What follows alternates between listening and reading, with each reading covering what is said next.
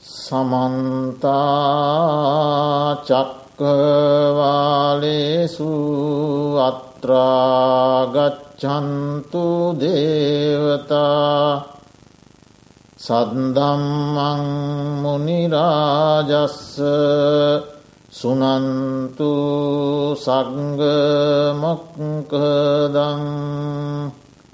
දම්මස් සවන කාලු අයං බදන්තා දම්මස් සවන කාලු අයං බදන්තා දම්මස් සවන කාලු අයං බදන්තා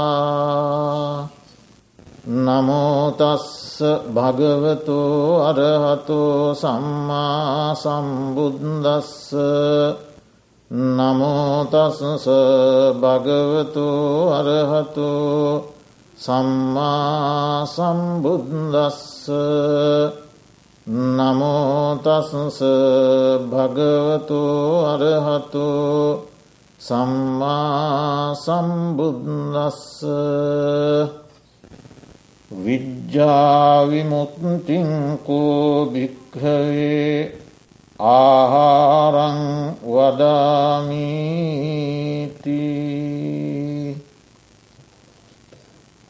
ශ්‍රද්ධාවන්ත කාරුණික පින්වතුනි ටෙක්සාස් බෞද්ධ භාවනා මධ්‍යස්ථානාධිපති පූජනීය තවලම පුන්නජී ස්වාමින් වහන්සේගේ අනුශාසකත්වයෙන් දෙදහස් දහනමය වර්ෂයේ වස්සාන කාලය තුළ සති අන්ත සෙනසුරාදා පවත්වනු ලබන ධර්ම දේශනා මාලාවෙහි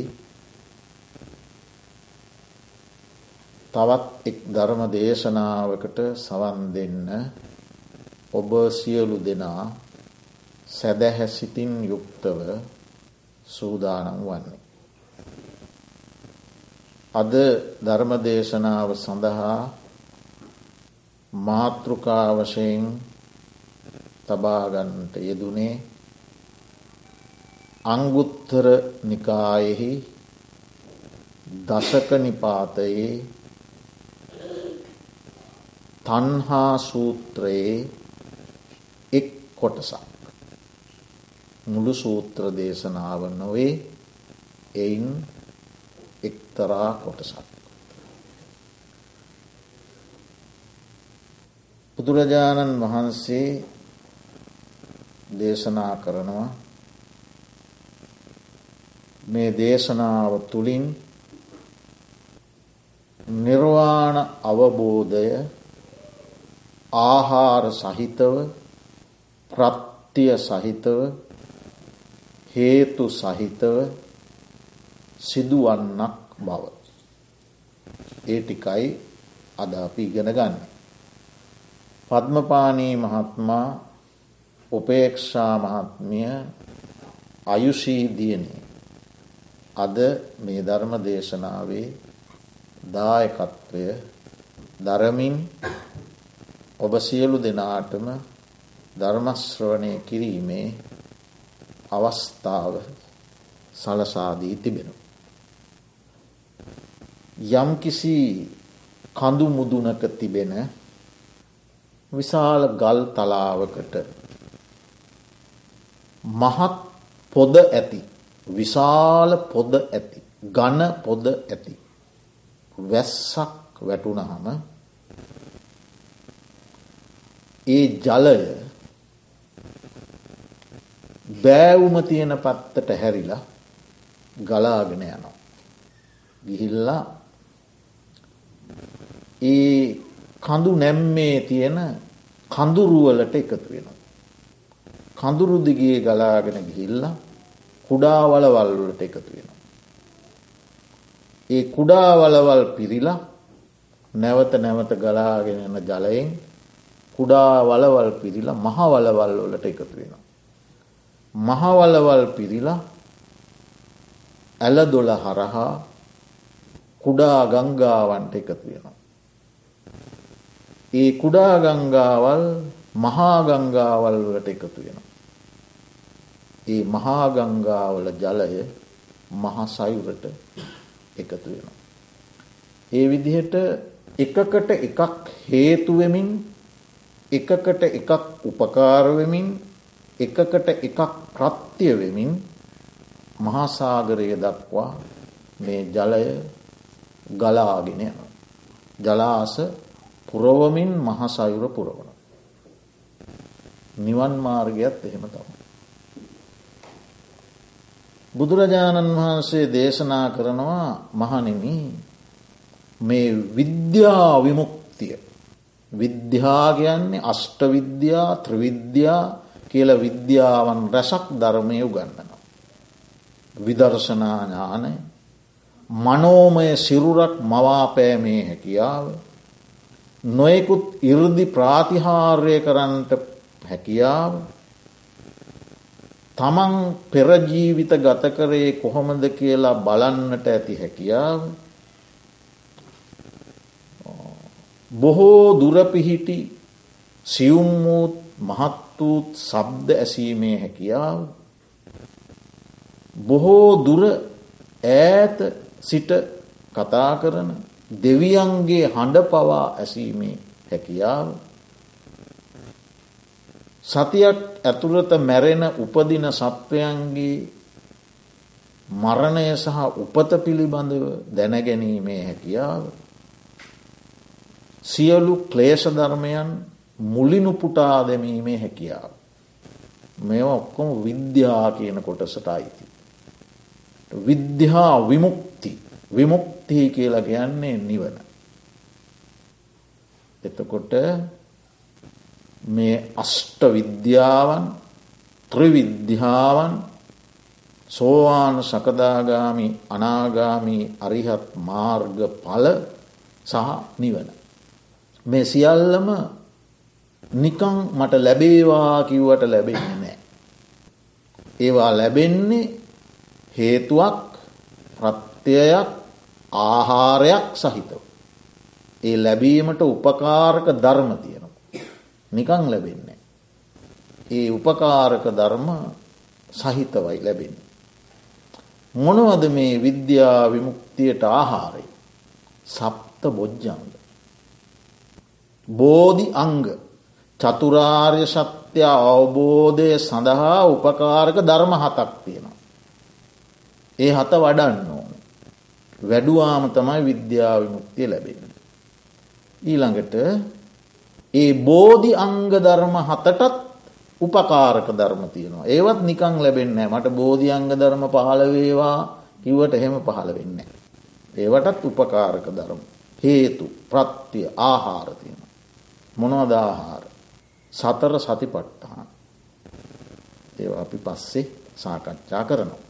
එතකොට ඒ සතර සතිපට්ටානවලටත් හේතුවක් ප්‍රත්තියක් ආහාරයක් තියෙන නිකං ලැබෙන්නේ. මොකක්ද ආහාරය. ත්‍රිවිධ සුචරිතය කාය සුචරිති වාක් සුචරිත මනෝ සුචරිත. සුචරිත ධර්ම. ඒ සුචරිත ධර්මයන්ටත් ආහාර තියෙනවා. එම ඉබේ පහළ වෙන්නේ නෑ. ආහාරයක් තියෙන. මොකක්ද ආහාරය. ඉන්ද්‍රිය සංවරය. ඒ ඉන්ද්‍රිය සංවරයටත් ආහාරයක් තියෙනවා. මගේ ඉන්ද්‍රිය සංවර වේවා සංවර වේවා කිව්වට සංවර වෙන්න ආහාරයක් තියෙන. සති සම්පජන්නේ. සති සම්පජඥයටත් ආහාරයක් තියෙන. මොකක්දේ. යෝනිසෝ මනසිකාරය. යෝනිසෝ මනසිකාරයටත් ආහාරයක් තියෙනවා. සද්ධාව බුද්ධාදී රත්නත්‍රය කෙරෙහි විශ්වාසය. ඒ සද්ධාවටත් ආහාරයක් තියෙන. බණ ඇසී. සද්ධර්මශ්‍රවනි. සද්ධර්මශ්‍රවනයටත් ආහාරයක් තියෙන. එමකද. සත්පුරුෂයන් ආශ්‍රය කිරීම. ඔන්න ඔය ආහාර ටික. දැන් එතකොට මොකක්ද මුල සත් සත්පුරුෂයන්ගේ ආශ්‍රය. එතනින්දා පටන් ගන්න. එතකොට සත්පුරුෂයන්ගේ ආශ්‍රයෙන් සද්ධර්මය හන්ඩ ලැබෙන. සද්ධර්මය හන්ඩ ලැබීමෙන් ශ්‍රද්ධාව උපදින. සද්ධාව ඉපදුනාම එයා නුවනින් මෙනෙහි කරන්න පටන් ගන්න. ඒ ඉගෙන ගත්ත ධර්මය. නුවනින් මෙනෙහි කරන්න පටන්ගත්තම සිහිනුවන උපදිනවා. සිහිනුවනින් යුක්තව කටයුතු කරනකොට ඉන්ද්‍රිය සංවර වෙන. ඉන්ද්‍රිය සංවරය ඇති වුණාම එයා තුළ ත්‍රිවිධ සුචරිතය පිහිටන. ඒ ත්‍රිවිධ සුචරිතය පිරිලා යනකොට එයාළඟ සතර සතිපට්ටහානයෝ වැඩෙනවා. සතර සතිපට්ටානුව වැඩෙනකොට එයා තුළ සප්ත බොජ්ජංග ධර්මයෝ වැඩෙනවා. සප්ත බොජ්ජංග ධර්මෝලින් ජීවිතය පිරෙනකොට එයා විද්‍යාවිමුක්තිය සාක්ෂාත් කර. ඔන්න ක්‍රමේ අර ගල් තලාවකට වතුර වැටිලා මහමුහුන්දට යනවා වගේ. එම පටන්ගෙන එකකට එකක් එකකට එකක් උපකාර වෙමින් නිවන කරා ගමන් කර. ඔන්න දැන් අපි මේ ලැබී තිබෙන කෙටි කාලය තුළ මේ කරුණු යම් මට්ටමකින් කතා කර. එක සත්පුරුස ආශ්‍රය. සත්පුරුෂයා කියන්නේ කල්්‍යයාන මිත්‍රය ආශ්‍රයට තෝරාගන්ට ඕන. හැම කෙනෙකුටම කල්්‍යයාන මිත්‍රයෙක් ඉන්ට ඕන. කල්්‍යයාන මුත්‍රයා කවදාකවත් තමන් වැරදි තැන්වල යොදවන්නේ නෑ. අස්ථානයේ තමන්ට අවැඩක් අහිතක් විපතක් දුකක් වන කිසිම දේක යොදවන්නේ. තමන්ගේ ජීවිතය අවැඩ දුක අහිත පිණිස පවත් වන වනම් කල්ලයාන මිත්‍රයා එයාට අවවාද කරන ඔක් කරන්න එපා. හිතසුව ගෙන දෙන දේවල් කරන්න ඕවා අහිත පිණිස පවතින දේවල් ඒම කරන්න එපා. කල්්‍යයාන මිත්‍රයා නිතරම අවවාද කරන්නේ යහපත පිණිස. අවැඩ පිණිස නොවේ. එවැනි සත්පුරුෂයන් වහන්සේලා ගිහි සත්පුරුෂයෝ ඉන්නවා පැවිදි සත්පුරුෂයෝ ආම පැවිද්දෝ පැවිදි පක්ෂයම විතරක්න ගිහි අය අතරත් ඉන්නවා සත්පුරුෂය තමන්ට යහමග කියාදෙන හොඳ නරක කියාදෙන නරක දේවල් කරනවනං ඒ වගෙන් වලක්වන හොඳ දේවල් කරනවනං ඒවට උදව් කරන අනුබල දෙන තමා යහපතෙහි යොදවන අඩුපාඩුවක් දැක්කත් කිපෙන්නේ නැති යහගුණවලින් පිරුණු අය. අන්න එවැනි සත්පුරුෂය ආශ්‍රය කරන්නට ඕන. බුදුරජාණන් වහන්සේ ආනන්ද ස්වාමීන් වහන්සේට දේශනා කළා ආනන්දය මේ ශ්‍රී සද්ධර්ම මාර්ගයෙන් අඩක් නෙමෙයි භාගයක් නෙමේ. මුළු මාර්ගයම වැටිලා තියෙන්නේ කල්්‍යයාන මිත්‍රාශ්‍රය මතතිය. එක අතිශයින් වැදගත් කරුණ. අන්න ඒ කාරණය තම තමන් විසින් තම තමන්ගේ ජීවිත තුළ හදාගන්ට ඕන ගොඩනගාගන්ට ඕන දියුණු කරගන්ට ඕන. ඒදේ කරගන්නට බැරි වුණොත් පස්සේ පසු තැවිල්ලක් එනවා ජීවිතයට. මට සත්පුරුෂයන්ගේ ආශ්‍රය ලැබුණ මම ඒ සත්පුරුෂයන්ගෙන් ප්‍රයෝජන ගණ්ඩ තරම් දක්ෂ වනේ නෑ. කියන කනගාටුව ඇතිව. එනිසා එක අතිශ්‍යයින්ම වැදග. දැන් ඒ විදිහට සත්පුරුෂයෙක් ආශ්‍රය කරන්නට ලැබුණ හම්ම එයාට ලැබෙන හොඳම ලාබේ තමයි සද්ධර්මය අහන්නට ලැබී. මුල යහපත් වූ මැද යහපත් වූ අග යහපත් වූ අර්ථ සහිත වූ ව්‍යංජන සහිත වූ හැම පැත්තෙම්ම පරිපූර්ණ වූ පිරිසිදු වූ පවිත්‍ර වූ ආර්ය අෂ්ටාංගික මාර්ගය ප්‍රකාශ වන නිවරදි ධර්ම මාර්ගය ප්‍රකාශ වන තතාගතයන් වහන්සේ දේශනා කොට වදාළ ශ්‍රී සද්ධර් විකෘති නොකරන ලද පෙළ දහමට අදාළ බුද්ධ දේශනාවට අදාළ වෙනත් වැල් වටාරම් වලින් තොර ශ්‍රී සද්ධරම අහන්ඩ ලැබෙනවා සත්පුරුෂයාද. ඒක වෙනත් භෞතික සම්පතක් ලැබෙනවට වඩා තමන්ගේ ජීවිතයට මහත් වූ ප්‍රයෝජනය. ඒ තමයි මනුෂ්‍යයකුට ලෝකයේ අසන ලද දේවල් අතරන අසනු ලබන දේවල් අතර ඉතාමත් වටිනා ඇසී ශ්‍රී සද්ධර. අපි ජීවිතයේ යම් යම් කාලයන් තුළ විවිධ දේවල් අහලතිය. සමහර විට අපි ළමා කාලයේ අහන ගීතය අපිට තරුණ කාලයේදී වටින්නේ නෑ. තරුණ කාලයේ අහන ගීතය අපිට මැදවයසේදී වටින්නේ නෑ. මැදවයසේදී අහන ගීතය මහළු වුණාම වටින්නේ නෑ. අපි ගීතයට ප්‍රිය කර. වරක අපි විරහ ගීප්‍රිය කර. වරක අපි ප්‍රේමගී ප්‍රිය කර. තවත් වරක අපි විරෝධාකල්ප ගී ප්‍රිය කර. තවත්වරක අපි දේශානු රාගී ගීත ප්‍රිය කර. තවත්වරක අපි බුදුගුණගී ප්‍රිය කරන. ආගමික අනුශාරයෙන් ගෑනගී. ඒ එක ඒක කාලවලට එක ඒක දේ ප්‍රිය කර. මහලුනාට පස්ස සමහරුට ඒකත්වත් ප්‍රිය කරන්න. එම තම ඒ වගේ ප්‍රිය භාව. සද්ධර්මය හෙමනෑ. හරියට අල්ලගත්තොත් සද්ධර්මය ජීවිතය හැම කාලයම පියයි. හැම කාලයේදීම ප්‍රිය බව ඇති කර. ඒ නිසා ඒ සත්පුරුෂයාගේ ආශ්‍රයෙන් සද්ධර්මශ්‍රවනය ලබන්ට ඕනෑ ලැබෙනවා. ඒ සද්ධර්මශ්‍රවනය නිසා ඒ අසන තැනැත්තාට ලෝකයේ ලැබෙන ලොකූමලාබය ලැබෙන. මේ ලෝකයේ තියෙන ලාභයන් අත ඒ තරන් ලාභයක් නං අයනෑ. ප්‍රධානමලාභය වටිනාමලාභය අති උතුම්ලාභය අනුත්තරලාභය මොකද සද්ධාලාභය සද්ධහාලාභය සද්ධාව කියල කියන්නේ තමා පිළිබඳවත් මේ ලෝකයේ පිළිබඳවත් නිවැරදිව පැහැදිලිව විවෘතව දේශනා කළ බුදුරජාණන් වහන්සේ පිළිබඳ විශ්වාසනීය ඒ සද්ධාව. ජීවිතයට අතිශයින් අවශ්‍ය දෙයක්. සද්ධාව අමූලික සද්ධහා ආකාරවතී සද්ධා කියල කොටස් දෙකට බෙදෙනවා ප්‍රධාන.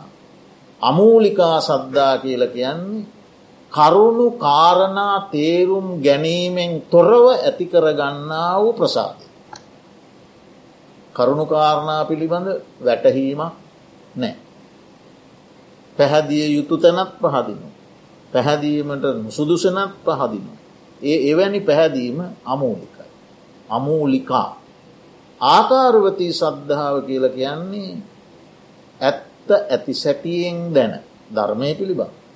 අවබෝධයෙන් යුක්තව ඇතිකරගන්නා වූ පැහැදී. ඒ නිසා ඔන්න සද්ධර්මය ශ්‍රවණය කිරීමෙන් අපි තුළ ඒක ඇතිවෙන්ඩෝ. සද්ධාව ඇතිවෙන්ටෝනේ සද්ධාවට ප්‍රතිපක්ෂ වූ විචිකිච්ඡාව දුරුවෙන්ඩෝ සැකය. සද්ධාව වැඩෙන්ඩ වැඩෙන්ඩ වැඩෙන්ඩ වැඩෙන්ඩ සැකය දුරුවෙන්ඩ. භාග්‍යවතුන් වහන්සේ පිළිබඳව ධර්මය පිළිබඳව පවතින සැක සංකා දුරුවමින් සද්ධාව දියුණුවෙන්ටෝ. ඒ සද්ධාව තිබුණොත් එයා අඳුනගන්න පුළුවන් ලක්ෂණ තුන. සද්ධාවන්තයා හඳුනාගන්න ලක්ෂණ තුනක්. දැන් අපිට පුළුවන් අපි පිළිබඳව හඳුන ගන්නට මම සද්ධාවන්තයේද නැද. මොනවද ලක්ෂණ තුන. එක සීලවන්තානන් දස්සන කාමෝහෝ. සද්ධාවන්තයා සිල්වතුන් දකිින්ට කැමති. සිල්වතුන්ගේ ඇසුර ප්‍රිය කර. දෙක සද්දම්මෝ සෝතුකාමොහෝ. ධර්මය හන්ඩ කැමති. ඒ දෙවනි ලක්ෂණ. තුන මසුරුකම දුරුකරගත්ත සිතෙන් ගිහිගේ වාසය කරන. ඒ ගැන ත්‍යාගවන්තයි. මසුරුණේ. ඔය ලක්ෂණ තුන. අන්න ඔය ලක්ෂණවලින් යුක්ත වූ සද්ධාව තමන්ට ලැබෙනවා සද්ධර්මය ශ්‍රවණය කිරීම. මහඟුව අවස්ථාවක්. කාලයාගේ ඇවේමෙන් මේ සද්ධර්මය විකෘතිවී විකෘත වී ගිහිල්ලා එකවර නොවේ. ගිහිල්ලා අවසානයට සද්ධර්මය නැති වෙලා සද්ධර්මය නැතිවෙන්න සද්ධර්මය ලෝකයේ පවතින. සත්‍ය ධර්මය ලෝකයේ තුළ තියෙන. එහෙම දේශනා කරන කෙනෙක් නෑ. ඒව යට පත් වෙලා යන. අපිට මේ මහගු අවස්ථාවක් ලැබිලතිය. ඒ තුළින් ඔන්න සද්ධාව ජනිත වෙන.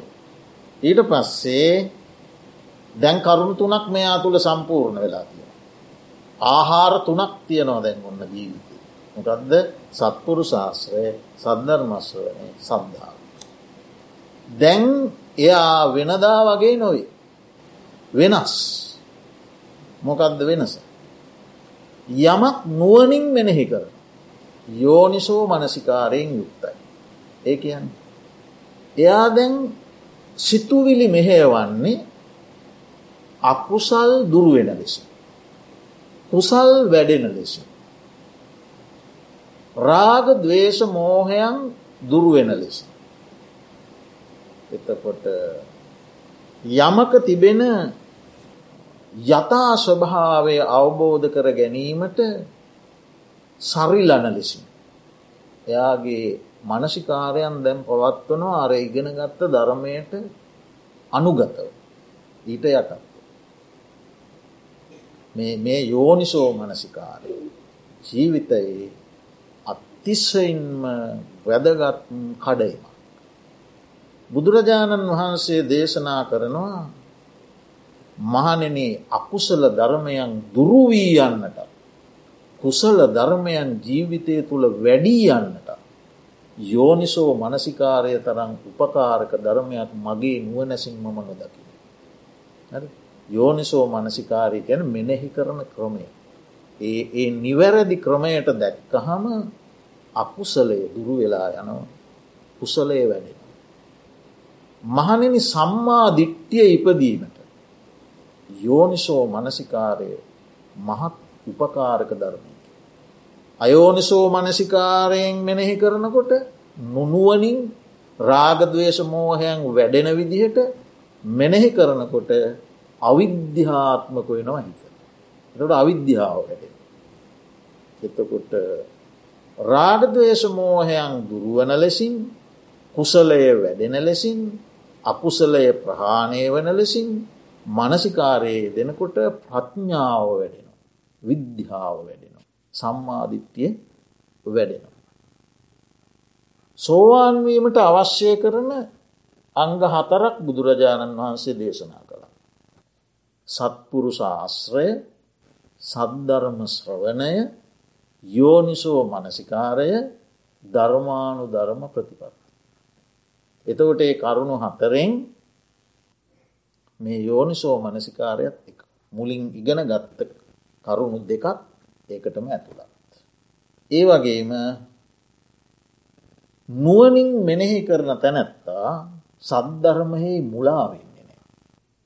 මුලා බව දුරුකිරීම සඳහා දුරුකර ගැනීම සඳහා මේ යෝනිසෝ මනසිකාරය උපකාරක ධර්මයක්.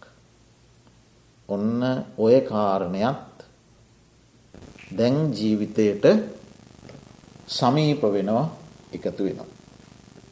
තොට අනිත්‍යදේ අනිත්‍ය වශයෙන් දකින්න. අසාරදේ අසාර වශයෙන් දකින්න. අවැඩගෙන දෙන දේ අවැඩ ගෙන දෙන දේ වශයෙන් දකින්න. අහිත දුක විපත පිණිස පවතින දේ අහිත දුක විපත පිණිස පවතින දේවල් වශයෙන් දකින්න.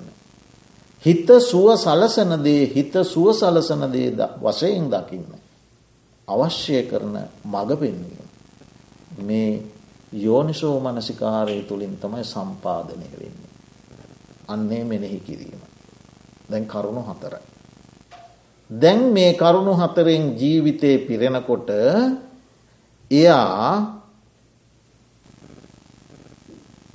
තුළ පහළ වෙනවා තවත් සුවිශේෂී ධර්මතාවය. ඒ තමා සති සම්පජඥය. සිහි නුවනින් යුක්ත බව. සතියත් නුවනත්. බුදුරජාණන් වහන්සේගෙන් අජිත කියන මානවකය අහනවා මේ හිතට නොයෙකුත් අකුසල සහගත අවිද්‍යා සහගත සිතුවිලි සැඩ පහරක් විදිහට ගලාගෙන එනවා. සිතට. ඒක මේ වලක්ව ගන්න කොහොමද කියලා. අපි සාමාන්‍යයෙන් උදාහරණයක් විදියට ගමු බොහොම වේගවත්ව ගලාගෙන ගඟක් තියෙනවා කියලා. ඒ ගගේ ගැලීම වලක්වා ගන්න කොහොමද. දිය යුතු පිළිතුරනම් ශක්ති සම්පන්න බැම්මක් බඳින එක මේ දැන් ඔය මහවැලි ගගේ බැමි බැඳල වෙන පැත්තකට හරස් කරේ වික්ටෝරිය වෙල්ලෙන් පොල්ගොල්ල වෙල්ලෙන් ඒ වගේ ශක්ති සම්පන්න බැම්මක් බන්න. ඒ වගේ මේ සිතට ගලාගෙන එන අකුසල විතරකයන් වලක්වා ගන්නේ කෙසේද කියල බුදු හාමුදුරුවන්ගෙන් ඇහුවම. බුදුරජාණන් වහන්සේ දේශනා කළා සතියෙන් වලක්වා ගන්න පුළුවන් කිය. සිහිය. ඉතින් ඒ සිහිය හරියට රජතුමාගේ බාණ්ඩාගාර ඇමතියා වගේ. රජතුමාගේ බාණ්ඩාගර ඇමතියා මොකද කරන්න රජතුමා ළඟට ගිල්ල කියනවා රජතුමනි මේ දවස්වල බාණ්ඩාගාරය මෙච්චර රත්තරන් තියෙන. මෙච්චර රිදී තියෙන. මෙච්චර තඹ තියෙන. ඔබතුමා ධනය වියදම් කිරීමේදී පරිස්සංවෙන්ට. නැත්තං මේ දවසුල බාණ්ඩාගාරය හොඳයි ශක්තිමත් ගැටලුවක් නෑ. ඒ නිසා ජනතාව තලා පෙලා එබදු අය කරන්න යන්න එපා. බාණ්ඩාගාරය බොහොම ශක්තිමත්ව තියෙන. එහෙම රාජ්‍ය බාණ්ඩාගාර ඇමතිය නිසි උපදෙස් දෙනවා. ඊළඟට රජතුමාට ඉන්නවා තව උපදේශක ඇමති කෙනෙ. පරිනාය කරත්නේ. ඒ උපදේශක ඇමතිතුමා ඇවිල්ල කියනවා රජතුමනි මේ දවස්වල සොර සතුරු වුවදුරු නෑ. පසවල් දනව්වල කැරලි නෑ. ඔබතුමාට අහිතවත් අය නෑ. ඔබතුමා රාජ්‍ය පාලනය මේ විදිහට කරගෙන යන්න. රජතුමාගේ දුරුවලකමත් දැක්කොත් ඒ උපදේශ කැමතිවරය කියනවා රජතුමනි මේ විදිහට කරන්න එපා. මෙහෙම කිරීමෙන් ඔබතුමාට සහ රටට රාජ්‍යයට අහිත පිණිස පවතින්ට පුළුවන්. ඔබතුමාගේ කීර්තිනාමයට අහිත පිණිස පවතින්ට පුළුවන්. ඒ නිසා මේ විදිහට කටයුතු කරන්න. එලා ඒ උපදේශක අමාත්‍යවරයත් අවශ්‍ය තොරතුරු දෙනවා. උපදේශන දෙනවා. ඒ වගේ මේ සිහිය. බාණ්ඩාගාර ඇමතිතුමා වගේ උපදේශක ඇමතිතුමා වගේ මේ සිත කුසලයට නංවමින් අකුසලය බැහැර කරන්නට උපකාර කරන. මේ නැංවීම කරන්න කුසලයට නංවන සති. ඊළඟට සම්පජනය චිත්ත චෛතසික සිත සිතුවිලි සහ රූපධර්ම මේ අපේ ජීවිතය ගැන මොකක්ද ජීවිතයක තියෙන කොටස් තුනයි. සිත සිතේ හටගන්න සිතුවිලි සහ මේ භෞතික කය. මේ කෙස්ලොම් නිය දත්තාදීන් හැදුණු මේ ශරීරි ඔය කොටස් තුන තමයි තිය චිත්ත චෛතසික රූප. ඔතනින් එහා හතරක් නෑ. එතකොට ඒ චිත්ත චෛතසික රූපධර්මයන්ගේ සැබෑ ස්වභාවේ වෙනස් වන බව. විපරිනාමය තිබූ තත්ත්වයෙන් වෙනත් තත්ත්වයකට පත්වන බව. ඒවා පිළිබඳව නියම ආකාරයෙන් වටහාගන්නට මෝහයෙන් මුලා නොවී කටයුතු කරන්නට අවශ්‍ය කරන මාර්ගය තමයි මේ ප්‍රඥ්ඥාවෙන් සකස් කරලා දෙන්න. එයින් කරන්න මුලාව දුරු කරන. විද්‍යාව උපදින්නට මේ නුවන මහත් වූ මඟ පෙන්වීම. ඔය දෙක එකට මිශ්‍ර වුණාම. සිහියයි නුවනයි. සති සම්පජඥ. එතකොට ජීවිතය මුලාවට වැටෙන්න අඳුරට වැටෙන්න අයහපතට වැටෙන්න විපතට වැටෙන්න දුකට වැටෙන්න පීඩාවට වැටෙන්නට තියෙන ඉඩකඩ බොහෝසේ අඩුවෙන. ඇයි ජීවිතයේ ක්‍රියාකාරකම් කරන්නේ එය මෙහෙවන්නේ මේ සති සම්පජන්න දෙකින්. යෝනිසෝ මනසිකාරයෙන් වුවනින් මෙනෙහ කරනවා සති සම්පජන්නයෙන් තමයි තීරණ ගන්න. හරි නිරවුල් බවක්. භෞතික ජීවිතය වේවා අධ්‍යාත්මික ජීවිතය වේවා බොහොම යහපත් ආකාරයට ගොඩනගා ගණ්ඩ මේම උපකාර වෙන. දැන් ඔන්න එතකොට කරුණු ගණනාවකින් යුක්තයි මේ ජීවිතේ. මොනවද සත්පුරු ශාස්ත්‍රය සද්ධර්මශ්‍රවණය ශ්‍රද්ධාවන්තකම යෝනිසෝ මනසිකාරය සති සම්පජන්නේ. දැන් ප්‍රභාවත් වූ ජීවිතය. දැන් ධර්ම මාර්ගයේ යම් මගකට දැන් ඇවිල්ල තියෙන්නේ අවතීරණ වෙලා. දැන් හුගක් දැන් දැන් අවුල් තියෙන්න්න බෑ. දැන් සතිය තියෙනවනම් සම්පජඥය තියෙනවනම් නුවනින් මෙනෙහි කරම තියෙනවනම් දැන් තියෙන්ඩ බෑ අවුල් සහගත භාවය. ඒව ලිහන මාර්ගයක් දැන් තියෙන. ඊට පස්සේ දැන් ක්‍රමාණුකූලෝ මෙයා තුළ ගොඩ නැගෙනවා ඉන්ද්‍රිය සංවරය. අර ධර්මතා එකකට එකක් එකට එකක් ප්‍රත්තිවමින් ඇවිල්ලා දැම් මේ මාර්ගයට අවතීරණ වීගෙන එනකොට වෙනදාමින් නොවෙයි ඉන්ද්‍රිය සංවරය ගොඩනගෙනවා. ඒ කියන්නේ ලෝබදවේශයන් එන විදිහට නොවෙයි දැන් ඉන්ද්‍රිය ක්‍රියාත්මක වෙන. දැන් වෙනදා ක්‍රියාත්මක වුණේ මේ ඉන්ද්‍රිය ලෝභය දවේශය. ඔය අන්ත දෙකි. ඇලෙනවා ගැටෙනවා. ඒ දෙක අතරේ මුලාවීම නිතරම තියෙනවා. ඇලෙන ගැටෙන හැම තැනකම මුලාව තියෙන. එතකොට ඒ අන්තයන්ට නොවැටි ඒක පාලියෙන්ම ඉතින් පාලි භාෂාවෙන් බුද්ධ දේශනාව තියෙන්නේ චක්කුණා රූපන් දිස්වා අන්න නිමිත්තක් ගා යෝති නානු බිහන්ජනක් ගායි. යත්වාදි මේ කරනං අභිජ්ජා පාපකා අකුසලා දම්මා අන්වාශ්‍ය වීයු. යත්වාදි කරන මේතා. අභිජ්ජා පාපකා අකුසලා දම්මා අන්වාස්ස වෙයු. අභිජ්ජා දෝමනස්සා. ඒ කියන්නේ ඇසින් රූ දැක දකින්න විඤ්ඥානෙන් නමුත් ඇසටන අරමුණු වෙන්නේ. ඇසට රූපය අරමුණු වනාම එහි නිමිති අනුව්‍යංජන ගන්නේ නැත එසේ නිමිති අනුව්‍යංජන ගැනීම නිසා හිතේ හටගන්නවා ලෝභය දවේශය හා වෙනත් පාපක අකුසල ධර්ම. මේ ඇසින් රූප දැකලා ඒ රූපන්ගේ නිමිති අනුව්‍යංජන ගත්තම ලෝභය දවේශය සහ අනෙකුත් අකුසල ධර්මයන් හිතේ හටගන්න. අන්න එසේ හට නොගන්නා ලෙසට ජීවිත පවත්වන. කොටින්ම.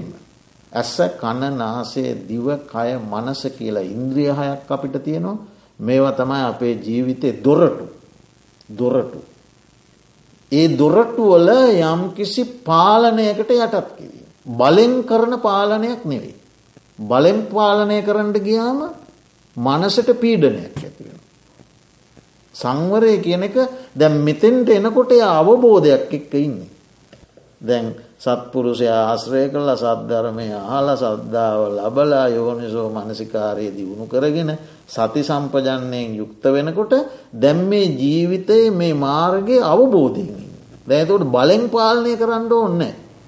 දැන් ඒ ඉන්ද්‍රිය පාලනය කිරීමට අවශ්‍යය කරන ශක්තිය ගොඩ නැගල. පැහැදිලි. අන්න දැන් එයා ඉන්ද්‍රිය සංවරය පුරුදු. ඒකත් ජීවිතය හරි වටින දෙයක්. බුදුහාන්දුරුව දේශනා කරනවා එක් දවසක අයෝධ්‍යා ගන්තෙර ඉබ්බෙක් ඈතින් එනවා හිවලෙක් හිවල එන්නමකොටද ඉබ්බාල්ලා එයා මේ ගොදුරු හොයාගෙනනවා. ඉබ්බ දකිනවා ඈතින් හිවල එනවා. ඉබ්බ මොකද කරේ. පාද සතරම ගත්ත කටුව ඇතුළට. හිස එයාගේ පොඩි ඉසක් තියෙනවා ඒකත් ගත්ත කටුව ඇතුළ. දැන් ඔක්කොම කටුව ඇතුළ. නිවලා ඇවිල්ල දැම් බලනවා බලනවා අල්ලන්න තැලන්නේ මෙ කටුවක් නිතියෙනද පාද හතර හිසයි ඇතුළි අල්ලන්න තැනන්න දැන් කොතනින් හෝ එක පාදයක් හරි එලියට දැම්මම අල්ලගන්නන් කියලා අරයත් ඉන්නවා. ඉබ්බත් එක අවය ඔයක්වත් එලියට දැම්ම කටු ඇතුළේම තියන් බලන් ඉඳල ඉඳල ඉඳල බැරිම තැන ඉවල ගියයා බුදුහාමුදුරුව දේශනා කරන කුම්මෝනි අංග කුම්මානි අංගානි සකේ කපාලි. සුවකීය කටුව ඇතුළට ගෙන තමන්ගේ අවයව සඟවාගෙන සඟවාගත්ත නැකුලක. සඟවාගත්ත ඉදිබුවාව ඉන්ද්‍රිය සංවර කරගන්න. හරි. එතකොට එහෙම සංවර කරගත්තම අර අනවශ්‍ය විතර්ක එන්නේ. මනසට පීඩාකාරී විතර්කෙන්නේ. සංවර කරගත් සංවර කර නොගත් ඉන්ද්‍රියන් ඇති තැනැත්තාට නිරන්තරයෙන් එන්නේ මනසට පීඩාකාරී. එහෙම ඇති නොවන විදිය. ඉන්ද්‍රිය සංවර කරගන්න. නේව සුමනෝ න දුම්මනෝ. ප්‍රිය අප්‍රිය අරමුණුවල සතුට අසතුට දෙකම. ගිහි ජීවිතය ගත කරන අයට සීයට සීයක් බැරි වුණත් වෙද දොස්තර මාත්‍ය ළඟට පෙසරයකට බේත් ගණඩ කියාව කියනවන වැඩි සතුටත් එපා වැඩි අසතුටත් එපා කියලන එහෙම කිය දැඩි සතුට දැඩි අසතුට දෙකට මධ්‍යස්තෝ හිත පවත්වාගන්න. නේව සුමනෝ නදුම්ම. ඒ ඉන්ද්‍රිය සංවරය තුළින් ඔන්න දැන් එයා ඒ තත්ත්වයක් හදාගෙන. තැන් බලන්න මේ බුදුහා බුදුරජාණන් වහන්සේ මේ ධර්ම මාර්ගය එකින් එකට ප්‍රත්්‍ය වෙන හැටි උගන්න. දැන් එයා මේ ධර්මතාටික පුරුදු කරගෙන එනකොට ආයාසයකින් තොරව ත්‍රිවිධ සුචරිතයට යොමුද. හද දැම් මේ කරුණු ටික වැඩිල තියෙනවන කාය සුචරිත වාක් සුචරිත මනෝ සුචරිත කියන සුචරිත ධර්ම තුන එයා තුළ ඒ කියන්නේ කාය දුෂ්චරිතයන්ට දැන් හිත නැබුරුවෙන්න. කයෙන් කරන ප්‍රාණඝාතය හොරකම ඊළඟට කාමෙහි වරදවා හැසිත. වාක් දුෂ්චරිතවලට නැබුරුවෙන්නෙත් නෑ බොරුව කේලම හිස්වචන පරුෂවචන. මනෝ දුෂ්චරිතවලට ලැබ නැබුරුවෙන්නෙත් නෑ. අන්සතු දේට ලෝභ කිරීම ව්‍යාපාදය මිත්‍යා දුෂ්ට. කයෙන් වචනයෙන් මනසින් සුචරිතය පැත්තට යහපත් ක්‍රියාවන් සිදු කරන පැත්තට දැන් ජීවිතය නැබුව. ඒ කරුණු ටික එසේ පිරීගෙන ආහාරවෙමින් යද්දී ඊළඟට වැඩෙනවා ඔන්න භාවනාමාර්ගයේ පියවර. මොනවද? සතර සතිපට්ඨා සතර සතිපට්ඨා තැන් හතරක මනාව පිහිටන සිහිය. මොනවද තැන් හතර? මේ ශරීරය. මනසේ ඇතිවෙන විඳීම්. අපි විඳිනවන එක්කො සැප විඳිනවා නැත්තම් දුක් විඳිනවා නැත්තම් මධ්‍යස්ථ අපේ හිතේ මනස ඇතිවෙනවන. මේ දවස්සොල්ලන් සතුටෙන් සැපයෙන් මේ දවස්සොල්ලන් දුකෙන් මේ දවස්සොල්ලන් මධ්‍යස්ථයි. සැප දුක් මැදහ. ඒ විඳීම් ස්වභාවය. ඒවා අවබෝධයෙන් බලන්ඩ පුරුදුවීම. එකත් භාවනාව. එතකොට මේ ශරීරය අවබෝධයෙන් බලනවා විඳීම් අවබෝධයෙන් බලන. මෙවා බොහෝ විස්තර සහිතයි කෙටියෙන් මේ කිය. ඊළඟට හිත මේ හිත නිරන්තරයෙන් වෙනස් වෙන සමහරලාට ලෝබසිත. සමහරට හිත ලෝබේ නෑ. සමහරලා හිත දවේශය ඇවිල්ල තරහ. සමහර වෙලාට හිත දවේශයෙන් තොරයි. සමහර වෙලාවට හිත මෝහ සාගත. සමහර වෙලාට මෝහේනේ. තවත් විටක හිත වික්ෂිප්ත නොයෙක් අරමුණුවල දුවන පාලනය කරගන්න බ. සමහර වෙලාවට හිත බොහොම සාන්තයි. සමහර වෙලාවට හිත සමාහිතයි. බෝම හොඳයි භාවනා කරන්න වාඩුවන හොඳට අරමුණේ හිත එකඟ වෙනවා. සමහරලාට එකඟ වෙන්න අසමාහිතයි. ඒ විදිහ මේ සිතේ තියෙනවා ආකාර දාසයක් වෙනස් වන්නාව ආකාර. ඒවා පිළිබඳ අවබෝධයෙන් බැලීම. අන්න තෝට සිත දෙස බලන. ඊළඟට දම්මානු පස්සනා කියල කොටසක් තියෙනවා ඒකේ ආකාර පහක් තියෙන. හිතේ ඇතිවෙන කාමච්චන්ද ව්‍යාපාද තීන මිද්ද උද්දත්තකොක් පුච්ච විචිකිච්චා එතනින් බලන්නේ සිතුවිලි. දැන් අපි ඉස්සරලා බැලුව කය ඊළඟට බැලුව විඳී. ඊළඟට බැලුව සිත. ඊළඟට බලනවා සිතුවිලි.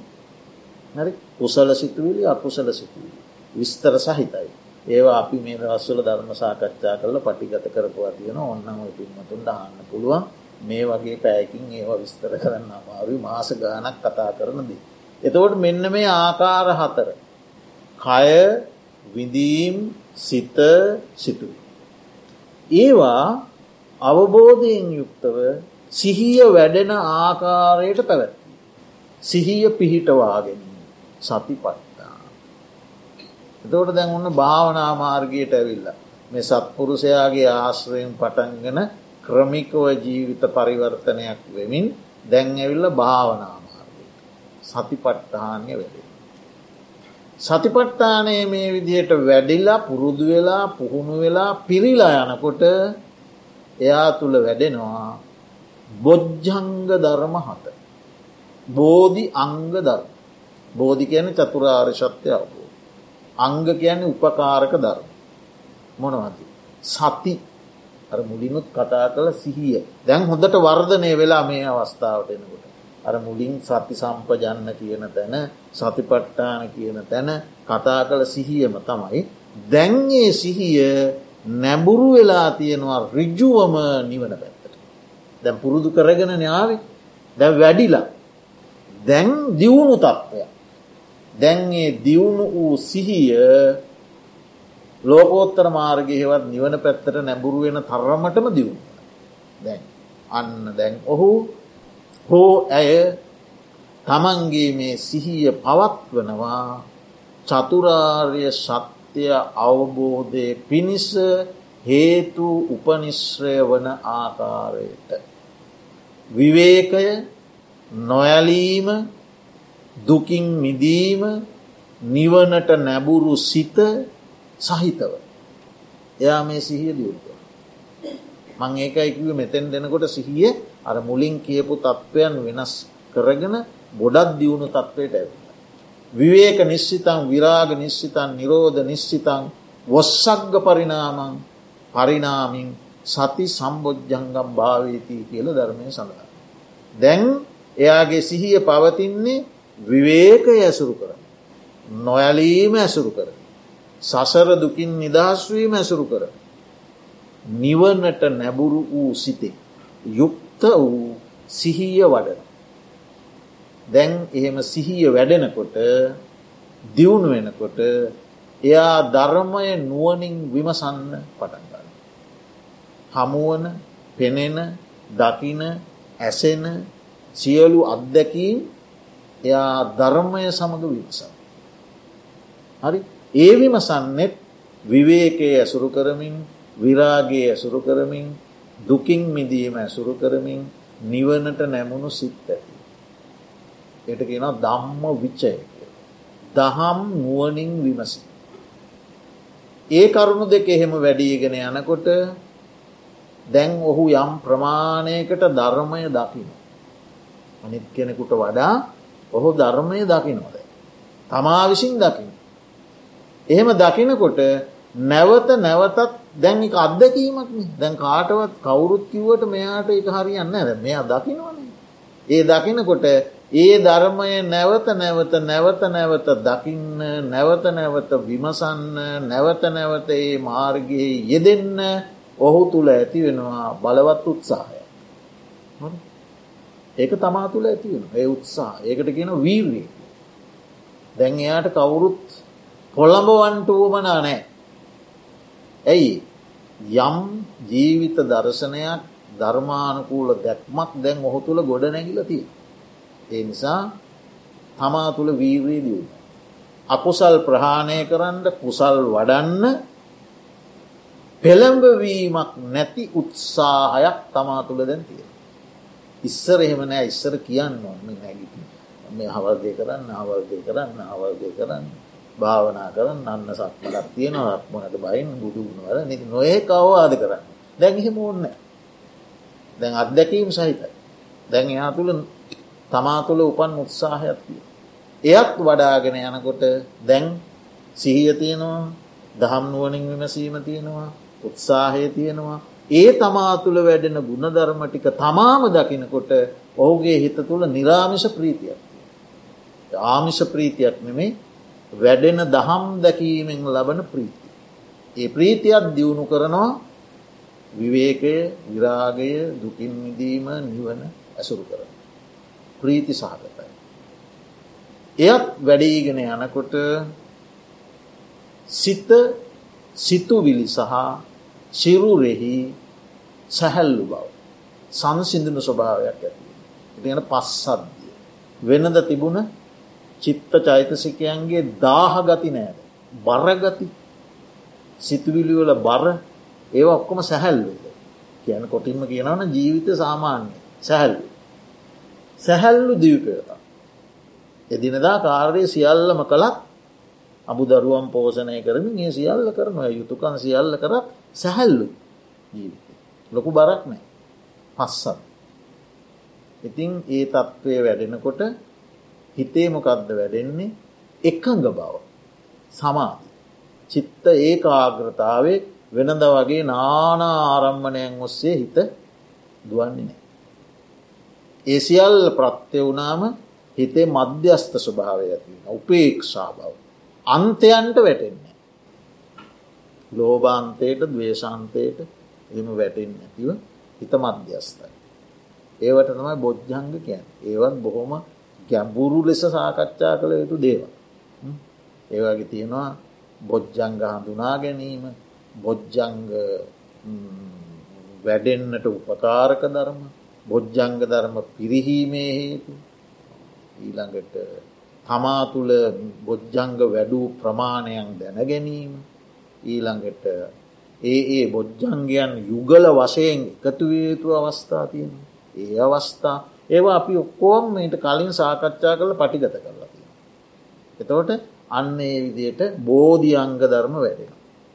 වැඩු නහම එය ආහාර කොටගෙන ප්‍රත්්‍යය කොටගෙන එයාට ලැබෙනවා ලෝකයේ මිනිසෙක් විසින් ලබන්ඩ තියෙන උතුම්ම පලය මොකද අෂ්ට විද්‍යාව සහ විමුක්ති මර මුලින් කිව්ව මනෝමය ඉද්ධඥානය ඉද්ධි විධඥානය දිබ්බ සෝධඥානය දිබ්බ චක්කුණා පරචිත්ත විජානඥානය පුබ්බේ නිවාසානුස්සතිඥා ආක්ෂ්‍රවක්ෂය කරඥානය ඔය විද්‍යාවන් සමඟ සෝවාන් සකදාගාමි අනාගාමි අරියත් මඟ පලනිව. තින් ඔය බුදුරජාණන් වහන්සේ දේශනා කළ එක ක්‍රමය. ඒක හොඳට මතක තියාගන්න ඕනේ බුදුරජාණන් වහන්සේ විවිද්ධ ක්‍රම මගින්. නොයෙක් නොයෙක් නොයෙක් නොයෙක් ක්‍රම මගින්. මේ මාවත පෙන්නලා තියෙනවා. මෙම සූත්‍ර දේශනාවේ තියන්න මේ එක ක්‍රමයක්. එතකොට දැන් එහි ආපහු අපි මුල සිට අගට බැලුවොත් සත්පුරු ශාස්ත්‍රය සද්ධර්මශ්‍රවනය සම්පූර්ණ කරනවා. සද්ධර්මශ්‍රවනය සද්ධාව සම්පූර්ණ කරනවා. සද්ධාව යෝනිසෝ මනසිකාරය සම්පූර්ණ කරනවා.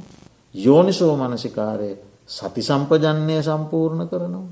සති සම්පජන්නය ත්‍රවිධ සුචරිතය සම්පූර්ණක ඉන්ද්‍රිය සංවරය සම්පූර්ණ කරනවා.